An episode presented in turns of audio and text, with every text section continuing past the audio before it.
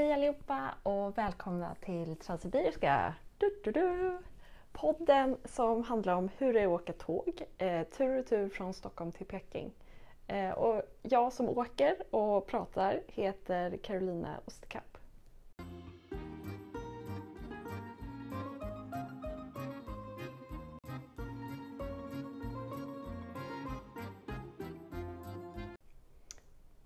Eh, först av allt så skulle jag vilja tipsa om att följa podcasten. Eh, och det kan du göra på Spotify eh, till exempel. Och eh, det som är bra med att följa det är att då har du stenkoll på när nya avsnitt kommer ut. Annars kan ju det vara lite svårt och det är lite jobbigt att kolla hela tiden. Så tips, tips! Eh, gå in eh, där du nu lyssnar på den här podden och så följer du podcasten. Så sparar du massa tid där.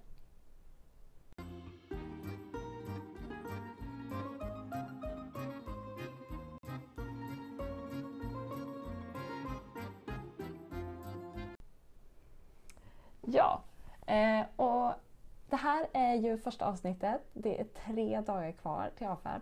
Och eh, jag tänkte bara berätta lite kort om vad som står på schemat.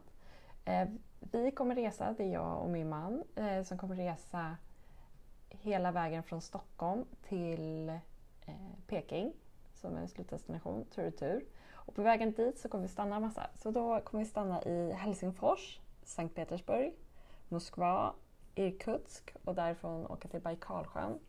Ulan Bator och därifrån åka ut på mongolska steppen. Eh, och sen ja, Peking, massa dagar. Och därifrån Peking raka vägen tillbaka utan eh, några längre stopp på vägen. det ska bli väldigt spännande. Eh, jag har några saker som jag hoppas eh, kunna leverera i den här podden. Vi får se om det blir så. Men eh, sakerna jag funderar mest på just nu det är, eh, är det årets succé eller årets fail att ta med en jättetung powerbank? Är maten på tågen eh, så enformig att nudlarna från stationerna är det bättre alternativet? Eh, galopperar hästarna alltid supersnabbt tillbaka till lägret när man rider i Mongoliet? Finns det dusch på tåget? Och om det inte finns dusch, hur är det att inte duscha på sex dagar? Eh, och sista, hur trevliga är ryssar? Och är de trevligare om man läser en rysk bok?